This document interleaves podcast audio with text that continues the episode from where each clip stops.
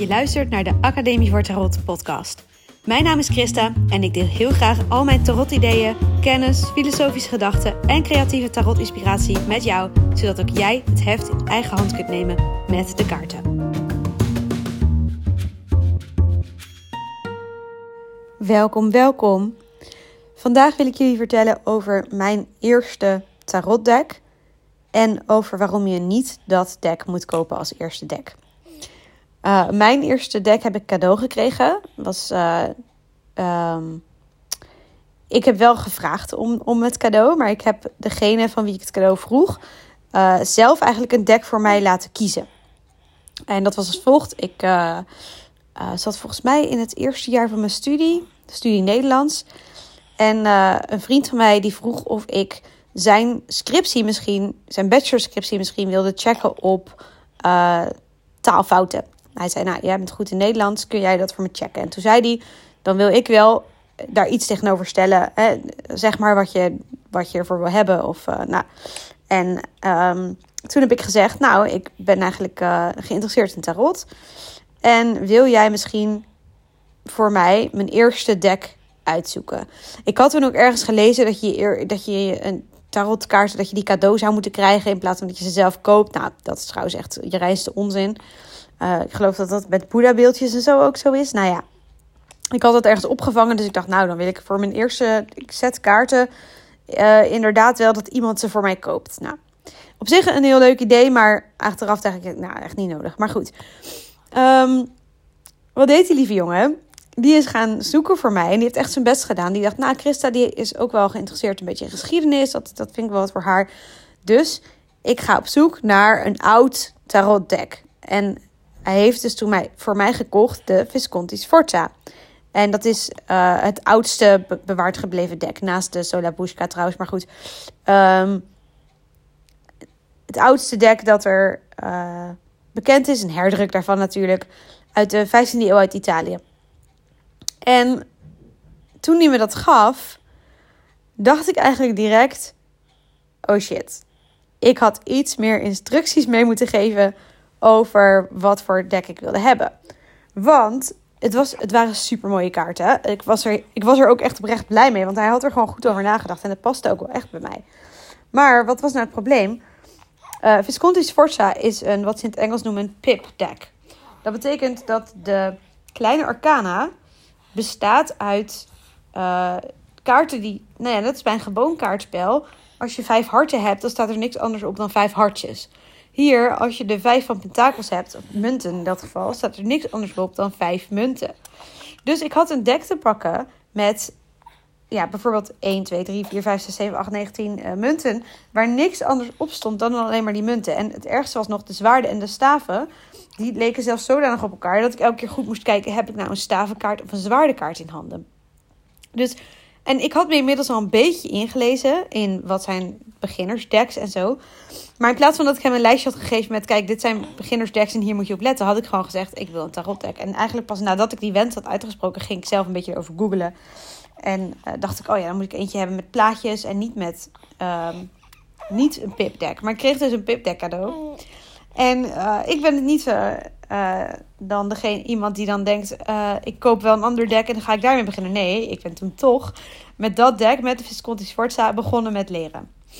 En nou, dat was dus eigenlijk fout nummer twee. Want ja, dan heb je eigenlijk al een soort een deck gekregen waarvan je al weet: van dit gaat moeilijk worden.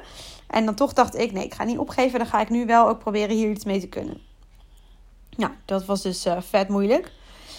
Um, maar wat ik wel heb gedaan, wat, misschien, wat denk ik ook wel slim was, was dat ik dacht: oké, weet je wat, ik begin dan wel gewoon alleen maar met de grote arcana.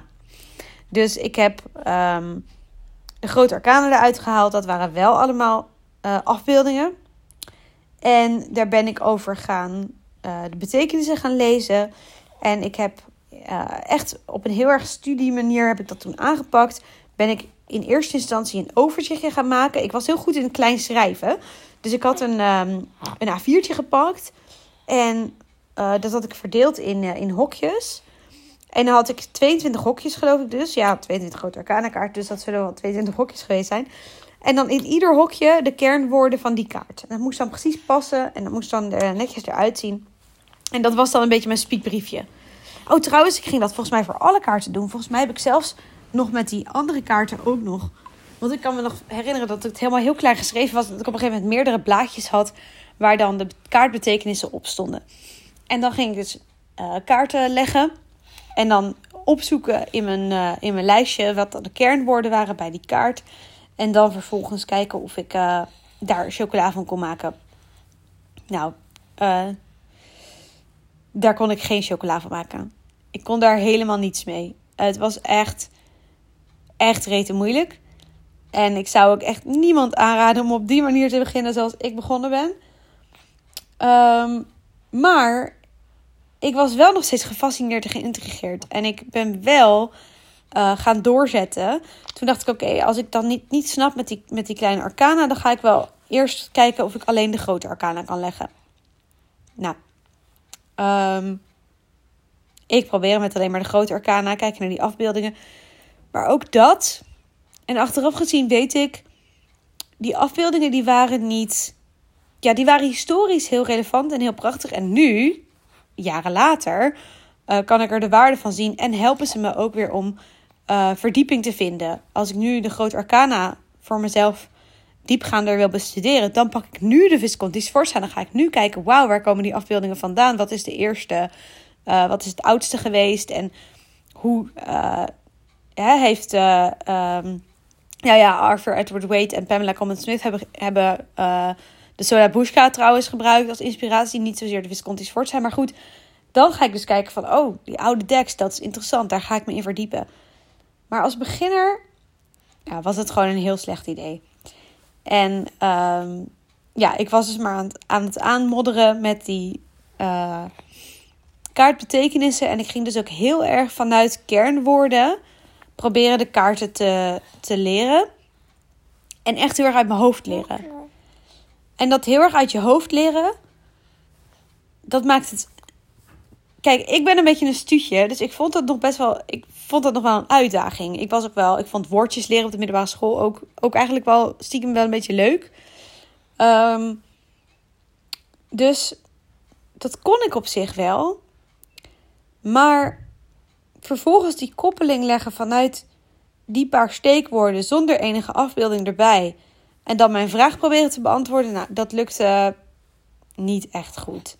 En uh, ja, voor mij was het echt een punt dat ik dacht: oké, ik moet nu of een ander dek gaan kopen. Of gewoon tarot opgeven, want dit, dit is het niet. Nou, gelukkig heb ik toen gekozen voor een ander dek kopen.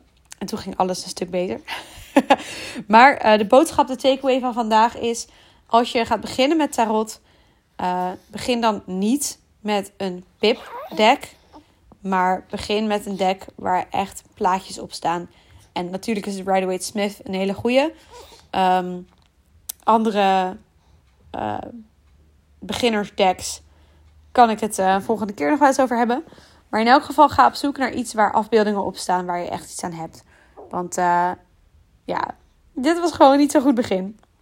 Nou, dat uh, wilde ik vandaag even met jullie delen. Wel overigens, als je een verzamelaar bent, een ja, Visconti Sforza hoort wel echt thuis in een tarotverzameling. Dat vind ik wel echt.